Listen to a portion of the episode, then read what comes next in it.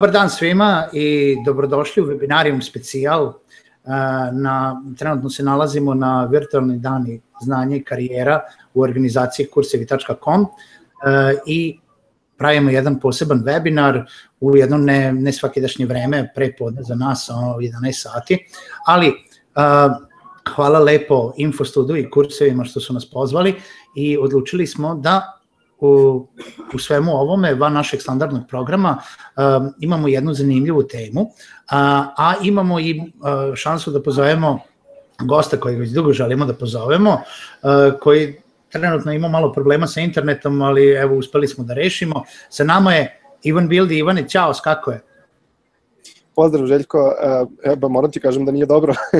evo pre bukvalno 7 minuta, znači 7 minuta pre 11 1053 nestaje internet kancelariji, resetujemo modem, ništa se ne dešava, izlećem u, u, u Coffee Dream, dolazim tamo, u tom trenutku tamo nestaje internet i na treći se kontaktujem na nekom ovde koji je imao otvoren net, ja se najeću da mi pokupi sve iz kompa, ali eto, tu smo, na svu sreću kasnimo dva minuta. Dobro je, to je samo dokaz da možemo da držimo webinare bilo gde, ja kad kažem mojim gostima, ne morate vi da dolazite u Suboticu, možete bukvalno iz kafića, evo Ivan iz kafića nam se javlja, ovaj, u stvari svi znamo da si pobegao s posla, da si malo otišao na kafu, ovaj, ali to. drago nam je da si uspeo da, da nađeš vremena za, za ovaj webinar.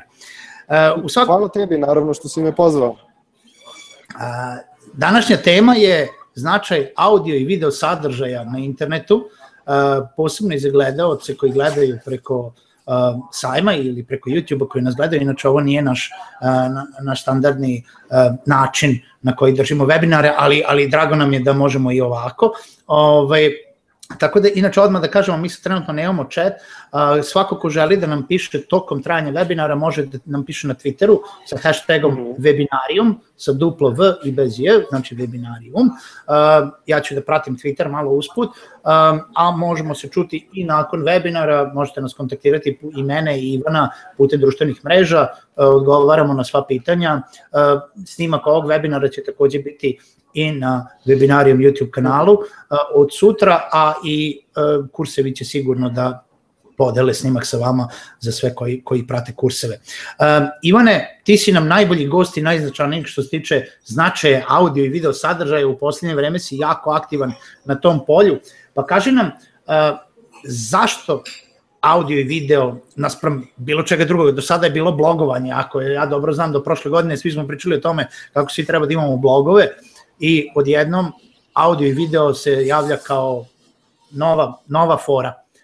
Da, um, pa tako je, audio, mislim, jako i audio i video sadržaj nisu uopšte ovi, kroz televiziju i kroz radio postoje jako dugo, čak i na internetu postoje jako dugo, ali recimo da tek negde poslednjih godina uz pojavu uh, novih alata su oni postali pristupačniji, ako ništa drugo. I sad, moja odluka se svela na zapravo dve stvari. Jedna je ono potpuno biznis odluka, um, a druga je uh, više bila taktička. I sada da prođemo od, od obe. Znači, kad sam, ja sam isto počeo sa pisanjem bloga kao uh, za moju, za moju agenciju Marketing Online um, i trenutno iz ovih oblasti koje ja pokrivam, a to je negde digitalni marketing ili online marketing, internet marketing, kako ko voli da ga, kako ko voli da ga zove, trenutno ima u Srbiji barem dvadesetak ljudi koji aktivno pišu blogove na tu temu, ako ne i više, ali da kažem ono zaista aktivno.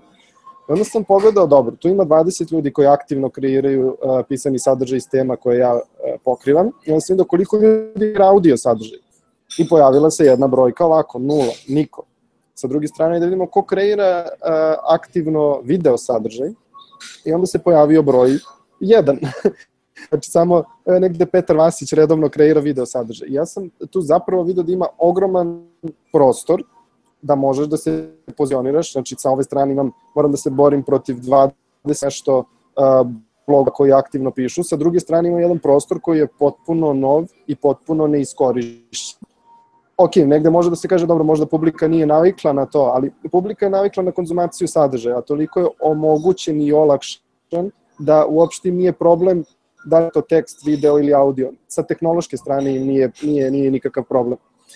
I rekao sam, dobro, ovo je negde gde ja mogu da uh, se pozicioniram mnogo lakše i mrže. Znači, to je bila čisto ono biznis odluka, neka strateška odluka. Uh, a tehnički, ja jako dugo uh, slušam podcaste, jako dugo gledam, uh, gledam videe nekih ljudi koji to uglavnom, uh, mi obično kažemo sa zapada, nije bitno da li je sa zapada ili sa istoka, uh, koji iz, iz nekih drugih država to, uh, to aktivno kreiraju, uglavnom sa, ne znam, sa engleskog govornog područja. I video sam da je meni lakše da konzumiram takav sadržaj i video sam da je ljudima generalno lakše da konzumiraju, recimo ako je to podcast, da im je lakše da konzumiraju podcast zato što je to jedina platforma, odnosno jedin način konzumacije sadržaja koji im dozvoljava da multitaskuju. Kad kažem multitaskuju, mislim da rade i još jednu stvar toga što uh, uče neki novi sadržaj ili slušaju nešto inspirativno. Pa, na primjer, vi pod audio formu možete da slušate i dok vozite auto. Znaš, ne možeš da čitaš blog ili da gledaš video dok, uh, dok voziš auto. Takođe, E, podcast možeš da slušaš dok treniraš, podcast možeš da slušaš, slušaš dok e, spremaš kuću, dok šetaš psa. Znači, sve to ne možeš da radiš e, konzumirajući bilo koji bilo koju drugu vrstu sadržaja. I jedna ono činjenica koju ja volim često da, da pomenem, a to je da u Americi više ljudi sluša podcast nego što koristi Twitter. Naprimjer, ne znam da li si to znao, ali više ljudi sluša podcast nego što koristi Twitter. A negde iz percepcije biznisa svi bi stavili prioritet na prisustvo na Twitteru nego recimo kreiranje, kreiranje podcasta. Tako da postoji puno, znači tih taktičkih razloga zbog kojih sam se ja odlučio na, na kreiranje takve vrste sadržaja, Znači, ljudi se mnogo brže i mnogo lakše vezuju za tebe. Kad kažem vezuju, mislim da se vezuju za tebe kao osobu ili tebe, tebe kao biznis kroz video i kroz audio, nego što je to slučaj a, sa tekstom. A pritom im je olakšano konzumiranje tog, a, tog sadržaja. I zato mislim da je to nešto što, što a, je izuzetno zanimljivo za slušaoce. Još uvek mi sa ove naše strane kao ljudi koji treba da napravimo od toga biznis ima malo problem kako to monetizovati, znaš, kako podcast monetizovati, kako će to direktno da uvede neku konverziju, znaš, kako će se prijaviti ako našu mailing listu ili, ne znam, poslati upit i tako dalje, ali mislim da je pojenta da treba ići tamo da je korisnicima lakše da te slušaju, a onda tek na drugom mestu uh, taj lakše nama kao, kao kreatorima sadržaja ili eventualno tim vlasnicima biznisa koji hoćemo da se pozicioniramo negde na, na internetu. Mislim da, da bi kažeš, to bio onako glavni razlog. Ka, da. Kada, ovaj, kada kažeš da, da, da imaš više obožavaoca sada, ovaj, kad ljudi se vežaju više za tebe. Obožavaoci su jako jedna ružna reč. E, mislim da mene niko ne obožava. Znaš, mislim ja, ono... Dobro, da, grupi obožavaoci, kako god. Ali ima, ima ljudi kojima a, rešavam problem, kad kažem problem, mislim rešavam izazove sa kojima se susreću svakodnevno i mislim da ti ljudi imaju određenu naklonost ka, ka, prema meni, ali tu neku biznis naklonost, ne u smislu obožavaca, ne bi nikad volao. Ja ne volim ljude koji me prate šta radim da fanovi, znaš, to, to je jedna jako jednosmerna um, jednosmerna reč, naš fan je iz, proistaklo negde iz, znaš, ono, uh, glumaca, pevača i tako dalje, pa mi smo oni koji smo ludi za tim nekim glumcima, pevačima, znači čeka da oni izađu, mi vrištimo za njima, a, to za biznis ne važi, znaš, osim ako možda nisi Apple, ali a, ne, negde ideja da su zaista to moje konekcije, znaš, ne, ne fanovi, ne zaista smo mi konekcije bukvalno jedan na jedan i pokušavam svakom pojedinačno od njih da rešim neki problem koji imaju kroz vrstu sadržaja kojim je lakše da konzumiraju, zato što su zauzeti. Znaš, bolje im je, izvini što te prekidam, bolje im je da slušaju podcast i da šetaju psa i idu u teretanu dok se voze kod kuće do posla, znaš, u Beogradu ti treba, ne znam, s jednog kraja grada u drugi kraj grada jedno pola sata da ti stigneš kolima, znaš, ili dok se voziš prevozom, nije bitno. Znaš, to ne bi to vreme iskoristio da odsluša e, recimo gostovanje Željka Cinakovića u mom podcastu i da nauči nešto novo, razumeš? Apsolutno. Da. U svakom slučaju ni, nisam ja ništa loše mislio, ali i dalje te ne spopadaju ljudi kada kreneš u kupovinu, u trgopromet. U trgopromet. principu sad se to malo dešava, ali ne da me spopada u smislu da, mislim zaista, pošto ja idem peške, to uh, mnogi ljudi ne znaju, ja uvek idem peške, imam u centru uh, kancelariju, idem peške na Zvezdaru i tad slušam podcaste, to mi je moje vreme za slušanje podcaste, znači imam napred, naravno po 30-35 minuta i već me sreću na ulici, zaista, ono, ili me, ne znam, podržavaju ili imaju nešto da pitaju i tako, tako da mi je to zanimljivo, da. To se, nikad nije, to se nikad nije desilo dok sam pisao blog, apsolutno nikad. Eto, ipak, znači, malo fanova, dobro je dok nisu stokeri, ali u svakom slučaju. No, ja se apsolutno slažem sa tobom da, da je video nešto što je puno, e, izaziva puno više interesovanja kod ljudi, e, pogotovo u tom nekom biznis smislu, mislim, mi se u nekom našem e, drugom poslovnom svetu bavimo i produkcijom animiranih videa i ono što je, što je karakteristično za, za ljude s kojima ja pričam sa zapada, jeste da e, publika je toliko bombardovana sa informacijama da razvili smo filtere i više ne čitamo toliko, znači ono tipa preletiš tekst, ne, ne, vidiš samo da li je nešto interesantno, ali je video ono što ti uhvati pažnju, znači ako želimo da ga usmerimo dalje da čita tekst ili dalje da nam ode i pročita ceo website, ipak nam treba taj neki moment da mi njemu uhvatimo njegovu pažnju i da ga zadržimo. Sad, koji su tvoji neka iskustva oko toga koliko više pažnje hvata video i audio od mhm. pisanog teksta? Uh, znaš šta, ima, ja sam čitao ta istraživanja kojih nisam obično uh, fan, uh, koji kažu da negde 5 do 7 puta se ljudi brže vezuju za video ili audio uh, sadržaj nego za pisani sadržaj. Um, I upravo jedan od razloga je one koji si naveo, znači mnogo je pisanog sadržaja, znači na svaku temu koju se uhvatiš ima bez pretrivanja milion i jedan blog koji već obrađuje tu istu temu te, na isti način, manje više istih tekstova, jako je teško tebi kao čitaocu da pročitaš nešto novo sad, sad, sad na internetu. Znaš. A da ne govorim da smo mi razvili tu sposobnost skeniranja sadržaja. Znači to što, ne znam, mi vidimo da naš blog post ima 5000 pregleda, ne znam, 5000 ljudi je pročitalo naš blog post, blog post, to apsolutno ne znači da je tih 5000 ljudi selo i pročitalo taj uh, blog post. Znači, od tih 5000, 4980 je skeniralo sadržaj i pogledalo pod naslove i eventualno zaključilo da li mu se čita ne i pročitalo neke od delova uh, tog teksta. Ok, slažem se, ni video ne odgledaju svi, ali mnogo veći procenat ljudi odgleda video, zato što im se informacija servira. Znaš, ne moraju da je traže, ne moraju da je, ne moraju da je čitaju, nego im se servira kroz pokretnu animiranu sliku, bilo animirano, bilo uživo, ako je video ose. I, znači, olakšavamo konzumaciju tog, uh, tog sadržaja. Tako da, mm -hmm. znači, ne, teorija kaže 5 do 7 puta, a za mene ja sam, znači, jako teško je to malo izmeriti, ali ja vidim i više. Znači da do 10 puta ljudi bolje reaguju na bilo šta što napravim audio-vizualno uh, nego, nego, na, nego na tekst koji napišem. Jeste, apsolutno i Da, da, da, ne, ne, ne samo to, ali uh, statistike koje si gledao stvarno to pokazuju nekada čak i uh, 90 puta više, ne samo 10 puta mhm. više ima veći ovaj veći taj uh, interesovanje publike, za, pogotovo kratke vide, zavisi šta pravite. Uh, ajmo kad smo već kod dužine, kad sam je pomenuo, znači šta u tvom, uh, u tvom mišljenju uh, i zavisnosti naravno šta radiš, uh -huh. neka idealna dužina što bi ljudi trebalo da gađaju. Recimo sad trenutno video, možemo da. posle i podcast, ali ovaj, znači ukoliko gađamo video uh, i recimo, ajde jedan korak nazad. Za šta sve video možemo da koristimo? Ajde, poslovna versus lična, ovaj, lična upotreba.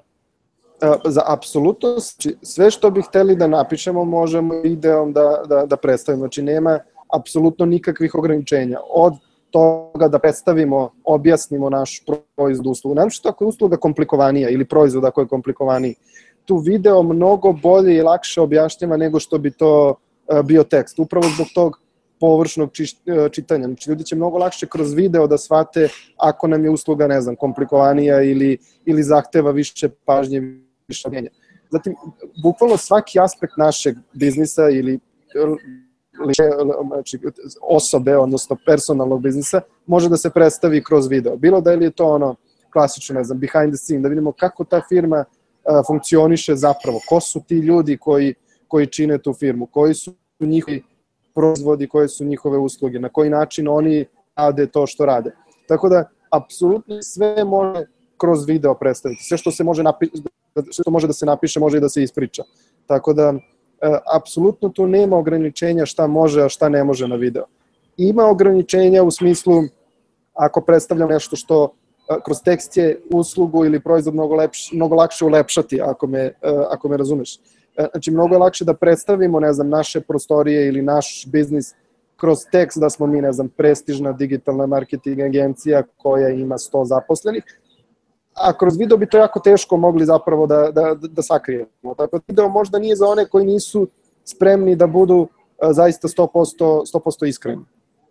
Apsolutno, i ponekad video zahteva puno više pripreme i organizacije, da ne pričamo o tome ulepšavanja prostora i ono tipa celokupne logistike oko, oko snimanja nekog video sadržaja, nego samo pisanje teksta koji možete da radite u pižami iz vaše ove, spavaće sobe, jer i to, i to pali. O, da. Kaži mi, što se tiče dužine, ako gledamo, mm -hmm. kada pravimo video, šta se tebi pokazalo kao nešto što je efektivnije naspram manje efektivno? Mm -hmm. To primarno zavisi od platforme na kojoj, na kojoj se. Facebook generalno trpi, da kažem, trpi malo kraće videe, odnosno kraću formu, formu videa. Kad kažem kraću formu videa, to se meri u minutima i to minutima ispod 5 minuta. Znači, jako teško je video koji je preko 5 minuta da u trenutnom Facebook okruženju zadrži, zadrži pažnju, zato što je puno distrakcije. Znači, Facebook je jako bučna platforma, kad kažem bučna, mislim bučna sadržaja. Znači, ljudi tu nisu ni došli da nešto nužno gledaju i konzumiraju, došli su da vide šta rade njihovi prijatelji i ti ih prekidaš u onome zbog čega su došli na Facebook. Znači, nisu spremni da ti posvete pola sata, što na YouTube-u može da bude slučaj, zato što su došli da gledaju video. Tako da prvenstveno zavisi um, kome, na kojoj platformi se, na kojoj platformi se obraćaš video. Ali generalna uh, praksa za video dokle god šta zanimljivo da kažeš, video nema ograničenja. Znači, ako imaš 2 minuta, 2 minuta, ako imaš 5, 5, ako možeš 45 minuta da pričaš nešto zanimljivo, da ljudi žele svaki sledeći reč da čuju, 45 minuta nije nikakav problem. Mislim, ja, ja sam gledao i neki case study, ima ljudi koji na Facebooku, znači on ima bukvalno sales video, prodajni video na Facebooku koji traje pola sata. To, to je nešto što bi apsolut svaki svaka osoba koja, bi se, koja se bavi Facebookom ne, ne, ne, nema šanse kakvi pola sata na Facebooku. Ali on je došao do toga da to njemu najbolje, da to njemu najbolje radi, ali zato što je tih pola sata, verovatno pola sata najboljih koje ti njegovi gledaci mogu da odgledaju bilo gde na, na, na internetu ili da ne kažem Dobro, Nadam ovaj, da što, da. Ne, što se tiče recimo toga što se pomenuo, to su sales letter videi i oni su mm. inače između 15 i 25 minuta da. standardno, oni zamenjuju uglavnom te neke duže uh, prezentacije ovaj, koje, koji su uglavnom to su prosti videi gde se samo smenjuje mm. tekst koji koji uh, naglašava ono što, što speaker ima da kaže, za razliku od nekih drugih uh, videa koji su fokusirani na kraće vreme, da ispričaju samo recimo neki, neku poentu, da zainteresuju nekoga, pa da onda taj da želi da sazna više i da vas nazove na, na, u, kraj, u krajnjoj liniji. E, e sada, e, jako puno ljudi kreira videe i sad e, rekli smo da ti si rekao što dogod imaš nešto zanimljivo da kažeš, da toliko može da traje video. E, recimo, za kraj što se tiče dužine, šta ti misliš recimo, da li je bolje na primjer, neko ko ima 45 minuta nešto da kaže, da to izdeli, ako pričamo o snimljenom videu, da to izdeli da. na delove od 10 minuta ili da, da. pusti 45 minuta video u jednom? Uh, da, tu, tu postoji vrlo uh, ono, lak odgovor. Uh, zavisi u kom si stadijumu svo, kreiranja svojih videa. Ako si počet, uh, i ako ne znaš ono 100% šta radiš, šta tvoja publika voliš, koju, koju količinu sadržaja ćeš, ko može da, da, da ono, uh, sva, onda je svako bo podeliti u što sitnije, što sitnije delove, ali smislene celine, znači ne da se završi video na dva minuta da nije završena smislena celina, zato što je neki Ivan tamo rekao da treba da traje dva minuta. Znači, male smislene celine i da vidimo na šta to publika reaguje. Kad postaneš bukvalno uh, ono, tata svog zanata, onda možeš da praviš i duge videe koji će ljudi uh, hteti da gledaju. Tako da bi svakako savjetovao da počne sa kraćim kraćim videima, a da se po, kad zaista znaš šta radiš, kad dominiraš u svojoj, u svojoj te, tematici, kad dominiraš na videu, da onda možeš da praviš i duže, duže videe koji bi bili onako jedan ozbiljan komad sadržaja. Uh, ja se još jednom izvinjavam gledalcima koliko malo loše čujete Ivana. Uh, Ivane, malo ti se internet prekida, to je zato što se verovatno kafić malo napunio, a, tako da još jednom, da kažemo, imali smo malo problema sa internetom u Beogradu, Ivan je istračao iz sve kancelarije i utrčao kafić gde, je, gde se preključio na internet da bi mogli da održimo ovaj webinar, tako da ukoliko ga malo loše čujete, mi se izvinjavamo, ali eto, radimo najbolje što možemo pod ovim uslovima. Da se vratimo na tematiku, što se tiče dužine videa, apsolutno se slažem sa tobom. E, sledeća, sledeća ono što bih pomenuo je recimo e, uživo video naspram, naspram snimljenog materijala i odmah da da povežem sa dužinom, evo ja sam prvi koji je od pre evo godinu dana smo počeli da držimo webinare i svi mi kažu ja kraće je bolje, kraće je bolje. Mi smo našli da recimo sat vremena webinara je dobro zato što je uživo. Naravno kada ode to na, na YouTube to izgleda malo dugačko, ali kada radimo nešto ovako uživo, da radimo 15 minuta, bilo bi suviše kratko, stigli bi da kažemo ćao Ivane, kako si, šta ima i to je to. E, pa, pa nalazimo tu neko opravdanje. E, ali ti se baviš i uživo, ovaj, uh, to jest videom koji snimaš uživo i video kojim snimaš prethodno pa plasiraš posle na druge platforme. Šta misliš, šta je bolje, uživo ili prethodno snimljeno? Ne bih se uhvatio opet i dao konačan odgovor šta je bolje. Uh, jedno i drugo ima svojih prednosti i mana. Ako govorimo o tom uh, uživo sadržaju, kao što si ti spomenuo, zašto je idealno da webinarijum traje sat vremena? zato što ljudi znaju da je to svake druge nedelje u to i to vreme, prijavili su se, znaju da idu da potroše sat vremena da odgledaju e, neki novi video i da nauče nešto novo. Ako bi im to na Facebooku, recimo, sa uzmemo Facebook ili čak i YouTube, ako bi im se pojavilo kao neki sadržaj, kao preporučen ili bilo šta, bilo bi sat vremena mnogo, jer niko od nas nema da u ovom trenutku šta da radimo izdvoji sat vremena da bi, da bi nešto pogledao. Znači, live trpi malo, duži, uh, malo dužu formu, ali zato što ljudi znaju kad će da dođu. Znači, moji live videi su svake srede u 11, ok, da je to nekima radno vreme, mogu da pogledaju posle, nije nikakav problem, ali dolaze pripremljeni i dolaze spremni da će to da traje da, da traje duže. Znači, znaju da isplaniraju svoje vreme i da će to da traje duže.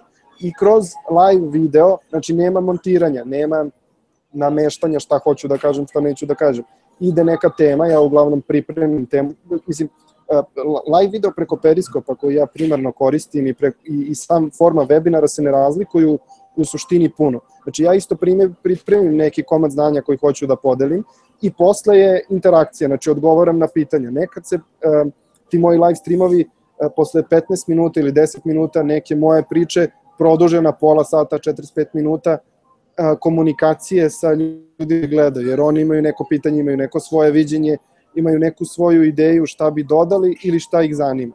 Tako da, dokle god njih zanima, da, da, dokle god ja mogu da odgovoram na njihova pitanja, ja odgovoram na njihova pitanja. Ne ograničavam se tim vremenom da kažem, ok, sad je pola sata, moramo da, da prekinem.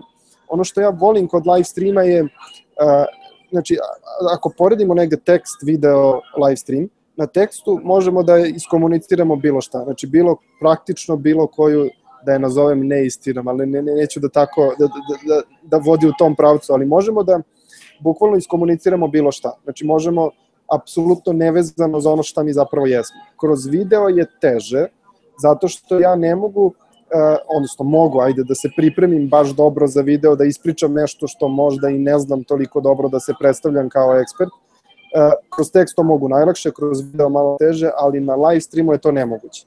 Znači, ne mogu na live streamu da pričam nešto o nečemu što ne poznajem ili što nije ona moja, moja ekspertiza ili za bilo koji drugi biznis, nije apsolutno bitno, sad uzimamo negde mene kao primer. Znači ja u live streamu ne mogu da uh, foliram zato što dolaze pitanja i svako sledeće pitanje je nešto što ja ne bih unapred, uh, unapred da pripremim. I mislim da ljudi to vide, to prepoznaju, da odmah na prvi live stream kad Twitch tu padaju, zaista padaju sve, sve marke. Oni da vide da li se ja u to nešto razumem šta pričam i da li je to zaista ono što oni hoće da konzumiraju. A onda idemo dalje, da li govaram ja kao osoba i sa sve to prepacujte na, na svoj biznis.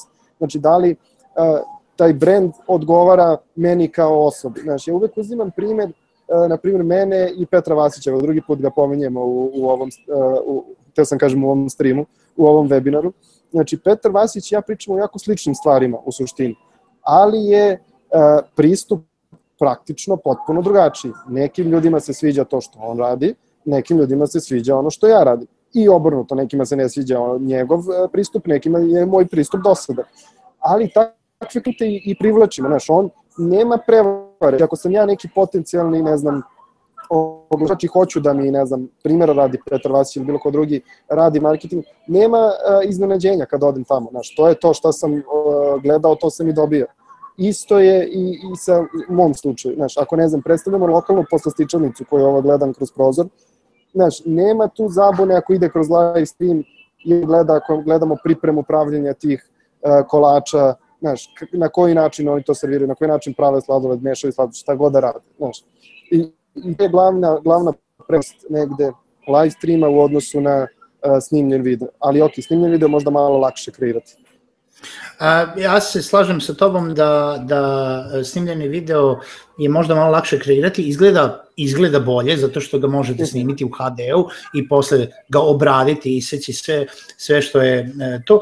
Prednost live streama po meni i što uvek e, zagovaramo jeste to da imamo tu komunikaciju sa gledalcima, mhm. imamo mogućnost, to je gledalcima i mogućnost da direktno postave pitanja uh, naspram svega što, što ikada ste videli, a bili ste sigurno uh, gledalci vi na, na milion predavanja, nebitno da li je predavanje od 10 ljudi ili 300 ljudi, nekad jednostavno nemate, nemate priliku da dignete ruku ili nemate hrabrosti da dignete ruku u live streamu, uh, niko ni ne zna da ste vi digli ruku od drugih gledalaca, da ste postavili neko pitanje, a sa druge strane predavači odgovaraju direktno i konkretno na pitanje koje je postavljeno, kao da komuniciramo jedan na jedan. Tako da, to je neka prednost live-a, uh, mislim da je snimljeni materijal uvek, uvek uh, puno bolje što se tiče izgleda, što se tiče mhm. kvaliteta. Mi možemo da imamo evo HD kamericu s kojom snimamo live, dok se to iskompresuje, obradi, dignemo snimak e, zbog uploada i live-a, to nikad nije kao da smo se snimali nekom, nekom malo boljom kamerom u, u, uživo. To je prvo snimali pa onda uploadovali snimak. Uh, Ivane, što se tiče Ajde još jednom da prođemo samo znači oblike sadržaja, znači imamo tu, imamo video koji je prethodno snimljen, imamo audio, uh, imamo podcast kao oblik audija, da li imamo još, neko, no, još neki oblik audija koji nije podcast, a, a bitan je za kreiranje sadržaja? Mhm. Pa, nešto je, podcast forma je, da kažem, ima neku svoju strukturu, to je audio sadržaj koji se negde hostuje, a se onda preko RSS feeda ide na podcast playere. Uh, u teoriji mi možemo, ne znam, da koristimo i svoj ono, SoundCloud nalog, da pored svakog blog posta ubacimo i, i audio verziju tog, e, tog blog posta. Sad, da li bi to bio podcast ili ne bi bio podcast, više su finese nego šta je zapravo ono što krajnji korisnik dobija. A krajnji korisnik dobija audio sadržaj. Znači, mi nemamo negde live stream audio sadržaja, mislim, možemo mi i webinare da radimo, ne znam, samo sa, sa audijom bez a ne znam koliko bi, koliko bi imalo smisla. Tako da Šta misliš da te prekinem, izvini, uh, ako neko kaže podcast uh, i recimo podcast obično kažu dignemo na iTunes pa onda baš preko, ba, baš se uh, za, za sve Apple uređaje vodi kao podcast na podcasta ovaj, aplikacijama, možemo da ga dignemo kao što si rekao na SoundCloud ili na Stitch Radio kao što to ti radiš, uh, kako god, uh, on je u nekom RSS feedu Šta misliš mm. o dizanju audio sadržaja kao snimljenog sadržaja na YouTube platformu, mm. što ljudi rade recimo kao kada dignu pesme ili tako dalje, ali mhm. dizanje baš audio podcast sadržaja, znači kroz koji dajemo neku, neki intervju, razgovor u, u radio formatu, uh, jel da to lako možemo da uradimo na, na YouTube-u, samo zalepimo neku sliku i ide audio sadržaj. Šta misliš o tome versus baš, ovaj, baš podcast oblik? Da, puno podcastera i radi tako nešto, znaš, uploaduju, uh, naprave kao mali video snimak, to ne znam, neka statična slika njega i gosta i uh, audio snimak koji su napravili. To nije nešto što je preterano zaživelo, verovatno što ljudi na YouTube ne čekuju takav sadržaj. Znaš, ja ne znam, kad bi ja kao korist YouTube-a ne bih išao na YouTube da slušam podcast. Išao bi, koristio bi neku od podcast aplikacija, recimo, koje mi omogućavaju, ne znam, da mi, sni, da mi uh, svira i dok mi je u džepu, ne znam, YouTube se negde ugasi ako ti je telefon u džepu, tako, kad čim, čim ugasiš telefon, YouTube ne streamuje, barem je tako na, na iOS-u. Tako da mislim da je najveći broj podcasta se konzumira sa mobilnih uređaja. Kod nas ne toliko, ali ljudi nisu još naučili, nisu navikli koji je najbolji način da koriste podcast. Ja, na primjer, ne znam, gledam kod mene, otprilike 70% ljudi sluša i dalje u webu. Znači, otvori web, recimo, na me, kod mene na sajtu i sluša tako, a, umesto da se prijavi na bilo koju a, podcast a, aplikaciju i preuzme samo RSS feed i sluša dok mu je telefon džep kao bilo koju pesmu ili, ili bilo Znači, negde odnos 70-30, dok je globalno ljudi koji znaju, koji su poznati sa podcastom kao formu, kao formom, preko 90% se sluša na mobilnim uređajima podcast. I upravo je to najveća prednost podcasta što ga ti nosiš i možeš da radiš šta god drugo dok kreiraš, dok slušaš tu podcast emisiju. Evo, odmah imam pitanje za tebe od, od gosta, dok smo još na podcastima. Na Twitteru smo dobili pitanje da li je najveća prednost podcasta ujedno i njegova najveća mana? Multitasking, to jest nefokusiranost na sadržaj. Da, jest. Znači, ono, kratak odgovor jeste.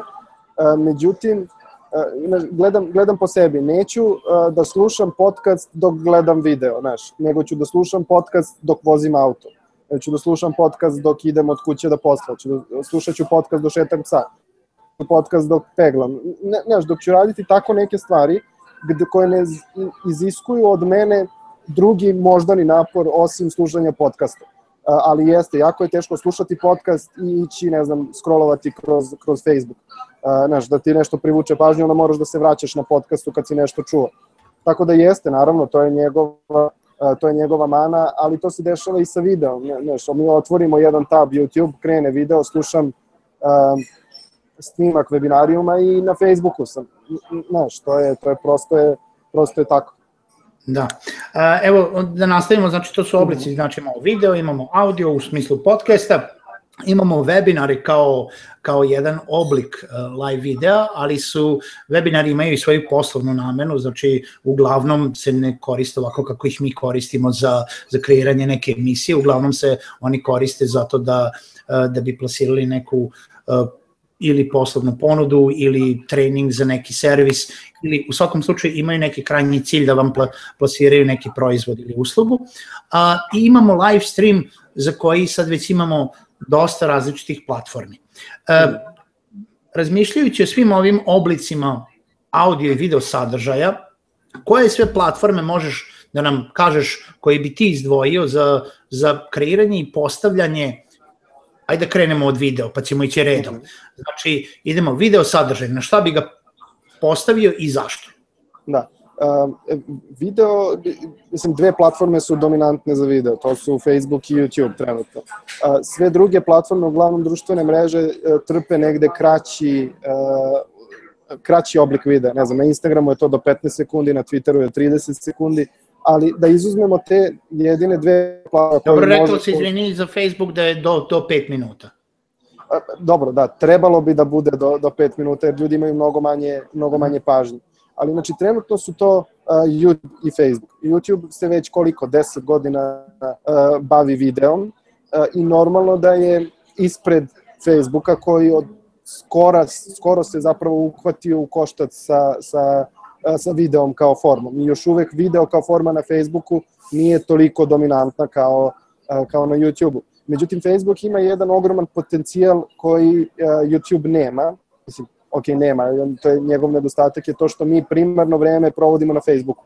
Znači, ljudi mnogo više vremena provode na Facebooku nego što provode na YouTube i mnogo je veći dnevni broj korisnika Facebooka nego YouTube-a. Kad Facebook bude dotego svoj video, znači kad ga bude uh, dostigao neki približan nivo YouTube, uh, ljudi biti lakše da konzumiraju Facebook na video, za, Facebook na video, video na Facebooku. Uh, zato što su već tamo tamo provode vreme. Ali svakako YouTube i video su dva dominantna. YouTube je možda malo više za pretku, znači ljudi, YouTube je drugi najveći search engine na svetu, znači ljudi idu tamo zaista da traže rešenje svog problema.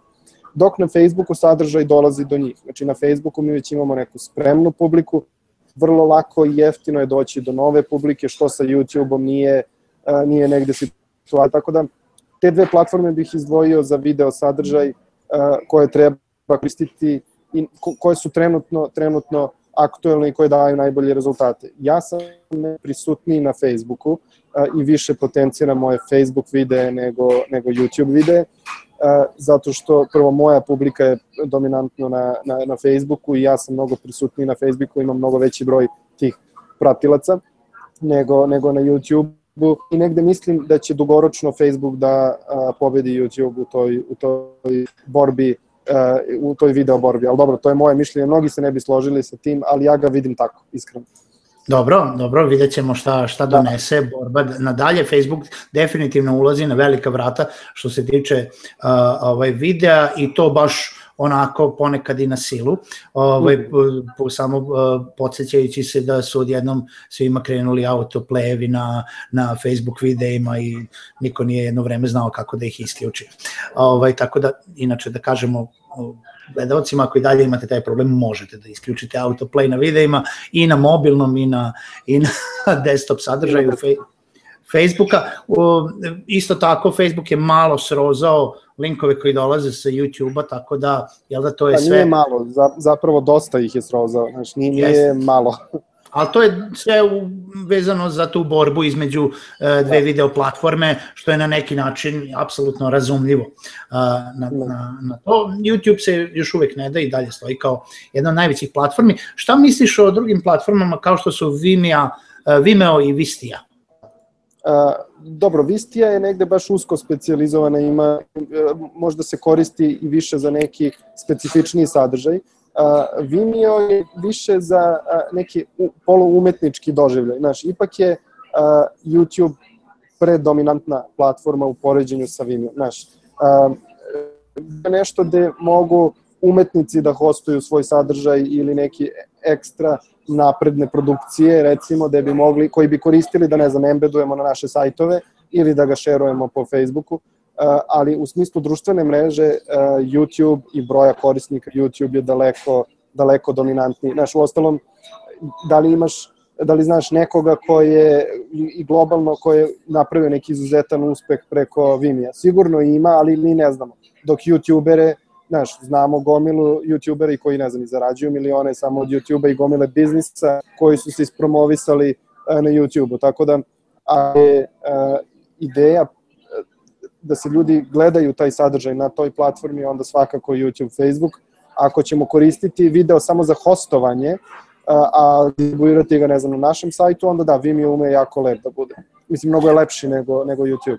Apsolutno se slažem sa tobom, znači uh, YouTube je jako dobar naravno, zato što kao i Facebook ima svoju oglašivačku platformu koja je isto toliko jaka sad i kao skoro i uh, Google, ovaj, mislim oni jesu jedna platforma, da. ali imaju svoj način promocije i o YouTube marketingu pričamo uskoro na jednom od webinarijuma, ovaj, tako da što se tiče Vima i Vistija, to je više za poslovnu upotrebu, znači ono kao što si rekao, znači ako ćemo koristiti video zato da bi ga postavili negde, zato da bi ga šerovali negde kroz email ili kroz nešto, zato što je bitan video, a ne koliko imamo pratilaca na našem kanalu ili koji su komentari na video, nego zato da bi video prezentovali u najboljem mogućem smislu. Vimeo pruža nešto malo bolje HD karakteristike nego YouTube, a Vistija e, nudi e, za poslovne korisnike jako dobre opcije analitike unutar videa, još pogotovo ako imate plaćen nalog, bukvalno možete da imate kompletnu statistiku ko je gledao, dokle je pogledao video, u kom minutu se isključio. Tako, može se po videima ograni, ograničiti ko može da vidi i tako dalje. Tako da možda za neke online kurseve je, je svakako rešenje mnogo bolje u poređenju sa YouTube-om, koje uopšte nije rešenje za online kurseve. Svakako. Um, uh, live stream. Uh, live stream što se tiče platformi, znači imamo Periscope koji ti koristiš i od nedavno imamo i Facebook live stream. -huh. uh, da, e, zašto Periskop, Ivane, da li bi preporučio još nešto i šta je za one ljude koji žele live stream? Ovako, znači, pr prvo što uvek moramo da se ograničimo, live stream u, postoji dugo, ali u ovom obliku epa, znači dostupnog u džepu na jedan klik je relativno nova, nova stvar. Znači, mi ne znam, negde od marta je krenula popularizacija live streama. Prvo kroz Mirket, pa onda i putem, i putem Periskopa. I Periskop je došao na scenu. Posle, naročito kad ga je preuzeo Twitter, mislim da je bila ta prekretnica u, u toj nekoj medijskoj pažnji koja neka live stream aplikacija dobija. Jer očigledno jedna dominantna društvena mreža je rešila da preuzme neki startup koji se bavi live streamom, zato što je verovatno negde uočila da je to nešto zanimljivo i definitivno je uh, live stream zanimljiv. Znači, trenutno možemo da izdvojimo četiri platforme, uh, to su Mirket, znači Mir, Mirket, Mirkat, ne znam kako, kako god ga zovu, uh, on je prvi, prvi krenuo, zatim Periskop, pa onda Blab, Blab je nešto relativno relativno novo, dosta zanimljivo, ima puno prednosti u poređenju sa, ne znam, Mirketom i Periskopom koji su na jedan način slični. Ne znam, Blab možete uključiti i druge ljude, može do četiri hosta da bude, mogu se uključivati gledaoci i tako dalje, pritom čuva video, odmah ti na e-mail pošalje i snimak i pošalje ti i mp3 file, što mnogi podcasteri sada koriste za snimanje podcasta. Znači, zamisli ja i ti snimamo podcast i mogu ljudi da nas prate i uživo, a čim završimo odmah mi stigne mp3 file od, od Blaba sa gotovom uh, ono, gotovim fajlom koji posle mogu da okačim na, na svoj hosting i da koristim kao podcast. Odlično. I na kraju dolazi negde Facebook, ali kažem na kraju Facebook zato što je Facebook još uvek nije javno dostupan svima. Znači Facebook je ograničio na verifikovane korisnike uh, kroz svoju mentions, mentions aplikaciju. Znači ne mogu ja da koristim uh, live stream na, na Facebooku, na primjer, ne znam, Marko Mudrinić koji ima verifikovan nalog, E, može. Tako da i to mislim da je uopšte nije loša ideja što je Facebook napravio, da ograniči pristup na verifikovanim korisnicima, odnosno naprednim korisnicima koji neće kačiti glup sadržaj. Znaš, jer ako sam ja verifikovan korisnik, verovatno sam u društvu negde, da nazovem uticajan ili sam javna ličnost i verovatno neću okačiti glup live stream, nego ću se potruditi da zaista streamujem nešto što ima smisla. Što, na primjer, sa periskopom Mirketom nije slučaj. Znači, mi onda vidimo 95% potpuno besmislenih streamova, znaš, streamujemo kada kiša ili streamujemo moj pas se igra. Znaš, to zapravo nikog, uh, nikog ne zanima u tom obliku. Tako da mislim da je Facebook tu uradio jednu dobru stvar da ograniči, da postavi taj neki benchmark šta se od live streama očekuje, pa da onda negde u budućnosti to pusti drugim korisnicima kada oni vide i nauče kako se live stream koristi. E sad, uzmimo situaciju da je live stream dostupan na ovom trenutku svima, ja bih verovatno i dalje ostao na Periskopu, iz prostog razloga što Facebook je poprilično spora platforma. Znaš, ti ako sad u ovom trenutku kreneš svoj stream, on se pojavi na tvom page-u, ali dok tvoji korisnici, tvoji fanovi to vide, tvoj stream se već odavno završio. Razumeš me na što mislim?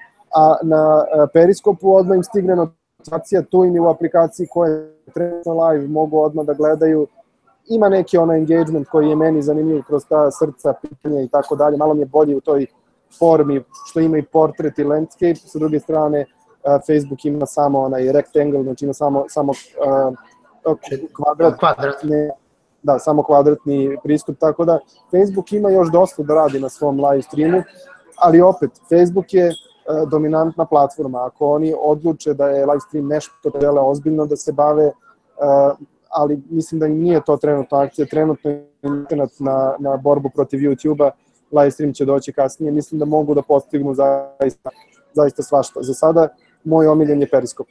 I ono što sam ti rekao, izvini što te prekidam, posle sam i ono beta tester Periskopa i gledam sve nove fičeve koji će, koji će izaći, dolaze neke zanimljive, zanimljive stvari. Ja po onom, uh, nije to ugovor, nego ono, NDA-u ne smem da, da iznosim šta se sve sprema, ali bit će zanimljivih stvari, tako Odlično, jedva čekamo da ih čujemo. Ja, ja se tačno sećam kada si krenuo sa periskopom i, i ovaj, tu kada instaliramo aplikaciju, jel da, zato što Ivan radi nešto, daj da vidimo i gledam ostale, to što ti kažeš, nema ništa pametno na ovom periskopu osim Ivana Bildija.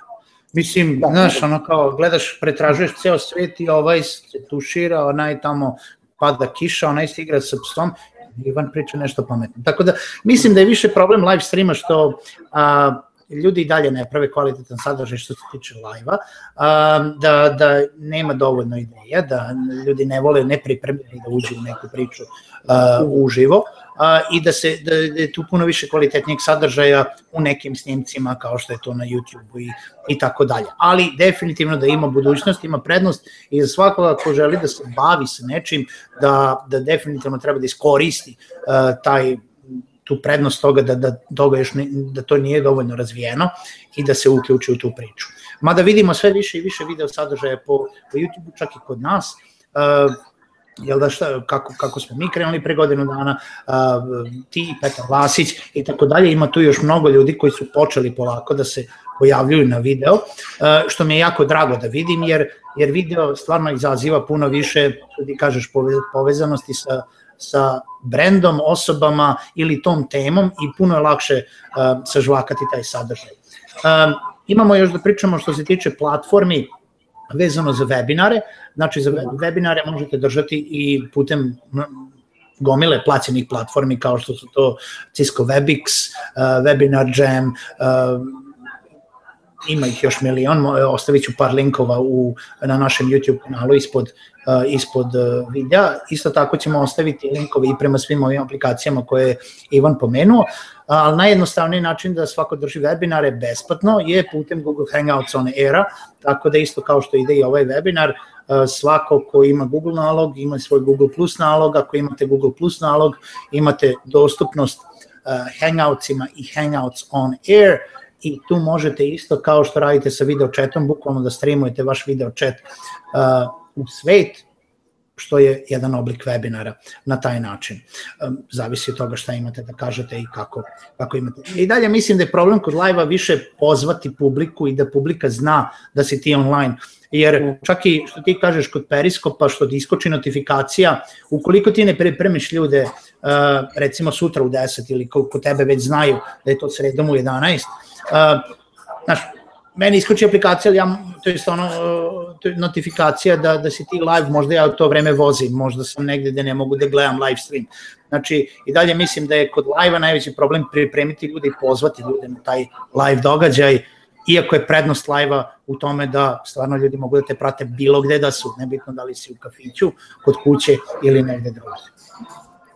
Tako je. Mislim, ja sam koristio i ovaj uh, Citrixov, uh, ima Citrix svoju aplikaciju za ono webinar, ali ja je nikad nisam koristio. Pre, previše je komplikovano, znači nisu Periskop i Mirket ništa novo smislili. Znači ovaj uh, Hangouts on Air postoji uh, već godinama, ne znam, Martina i ja smo 2000 koje, 12. 13. godine snimili uh, ono našu emisiju koja je išla live. Ali prosto ove aplikacije su omogućile da to bude jednostavno i pristupačno svima. I mislim da je to razlog zašto su zaživele. Imaš jedan klik, live si pričaš, imaš jedan klik, gledaš nekog ko je live i, i to je to. Znači nema milion jedne opcije, nema uh, ono, zatrpanog interfejsa i mislim da je to ono što, što, što negde te aplikacije, live stream aplikacije gura napred, jednostavno ta jednostavnost, jednostavnost upotrebe. Pa dobro, mi polako dolazimo do kraja naše teme. Ukoliko neko ima još neko pitanje, slobodno pustite na Twitter sa hashtagom webinarium. Ivane, da li želiš da dodaš još nešto vezano za video i audio sadržaj i šta se sprema u budućnosti? Šta misliš da je budućnost video sadržaj kod nas ili audio sadržaj? vrlo jednostavno, znači budućnost video sadržaja možemo da vidimo trenutno, znači budućnost video sadržaja u Srbiji možemo da vidimo trenutno ono, na polju kako se to radi, znači to je budućnost video sadržaja u Srbiji. Znači, više ljudi, sve više biznisa će kreirati video, video sadržaj i sve će, jer će pri, uh, shvatiti da im je na taj način lakše da se pozicionirali, kao, pozicioniraju. Kao što su to blogeri uradili pre, ne znam, 10-15 godina, videli su da to daje rezultate i, i blogeri su bili ono pre 15 godina sekta kao što su sad youtuberi. Znači, uh, tako da, uh, jednostavno oblik sadržaja se menja. Ti ljudi koji kreiraju sadržaj ostaju, ostaju isti. Oni koji se ne prilagode biće polako u zalasku karijere, oni koji se prilagode ostaće tu uh, prisutni. Tako da nema, nema tu neke ono pretarane pameti što se tiče budućnosti. Biće sve više sadržaja, sve više ljudi će skapirati kako da uh, videom dođu do novih klijenata ili da poboljšaju svoju prodaju, svoje usluge, šta god. isto je i za live stream. Znači sve više ljudi će početi da skapira kako može taj live stream da, da iskoristi za promociju svog, svog biznisa. Ja mislim da je live stream nešto što je tek krenulo. Mislim da ima budućnost, jer kad gledamo ko se sve uhvatio live streama, znači najdominantnije društvene mreže i Google isto ima svoj live stream, mislim live stream evo trenutno toga koristimo, tako da mislim da ima, ima budućnost, baš zato što su veliki, veliki igrači u njemu. A posle, posle toga uvijek mi pitaju, ok, a šta je posle live streama, znači nema bržeg sadržaja od toga, sledeće nam dolazi virtualna realnost, ali to je za sad daleko. Da pozovemo ljude kod nas, u kuću. Da, znači, ne, ali zaista sledeće je virtualna realnost, to je posle sledeći korak. Znači, trenutno i Google i Microsoft i Facebook razvijaju uporedo virtualnu realnost, tako da to je sledeći korak, za par godina nam je uh, tu, znaš. Dobro, evo imamo pitanje, taman za kraj, sasvim, sasvim uh, validno pitanje. Da li imamo neku preporuku za pravljenje video sadržaja po pitanju opreme? Šta ti koristiš, da. Ivane? Uh, veliki broj mojih videoklipova su napravljeni sa mojim telefonom, ono što jako, vjerojatno niko ne bi, ne bi poverovao. Uh, imam, znači, telefon, koristim telefon. Sa telefonom je jedini problem što mora odvojeno zvuk da se hvata, zato što mikrofon na telefonu je jako loš, a, ljudi će pre a, da podnesu loš video, naš audio. Ne, ne, to je, to je onako, ljudi se uglavnom fokusiraju da li nije HD kamera koliko ima megapiksela, ali je zvuk bitniji zapravo, jer sad i prosječan mobilni telefon pravi vrlo pristojan video, zvuk svi hvataju poprilično loš. A, tako da, što se tiče telefona, samo treba eksterni mikrofon, a, a ja koristim najosnovniji onaj digitalni fotoaparat, to je, ne znam, DSLR D300, njim snimam, sa njim snimam klipove, ali u njega da, u njega mogu da udenem, ima znači audio ulaz, u njega mogu da udenem bubicu koji zakačim za mene i koji snima odmah, tako da prak, bilo koji fotoaparat koji ima audio ulaz je najjednostavnije rešenje zato što odmah da se priključi mikrofon koji košta 3000 dinara i koji snima odličan, uh, odličan zvuk. Tako da to bi bilo to od opreme. Ja, ja ću evo da se apsolutno, ta opet se naravno slažem sa tobom, uh, mislim da je najjednostavniji i to je jedan moj novinar uh, prijatelj rekao, uh, danas su svi novinari i medijske zvezde ko uh, ima neki multimedijalni telefon, pogotovo sa, sa recimo iPhone konkretno se često pominje kao jedna od idealnih spravica za snimanje kvalitetnog video sadržaja. Što se tiče za ljude koji žele da, da snimaju video sadržaj, nebitno da li je live stream na desktop računarima ili snimljen video sadržaj, znači ili kao što je Ivan rekao, neki DSLR fotoaparat ili ukoliko želite možete da kupite recimo neku HD kamericu kao što je Logitech C920 koju recimo mi koristimo.